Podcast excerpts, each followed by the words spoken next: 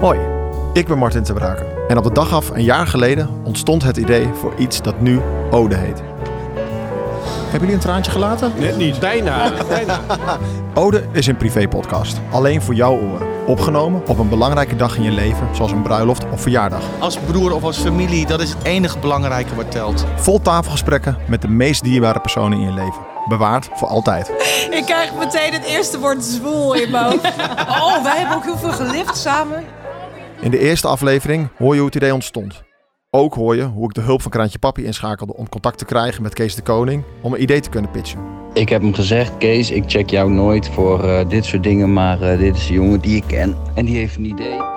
Ook hoor je fragmenten van de allereerste podcast die ik opnam. 15 juli, exact een jaar geleden. Volg Ode alvast op Spotify of in de podcast-app van Apple om de eerste aflevering direct te kunnen luisteren zodra deze online komt op 15 juli.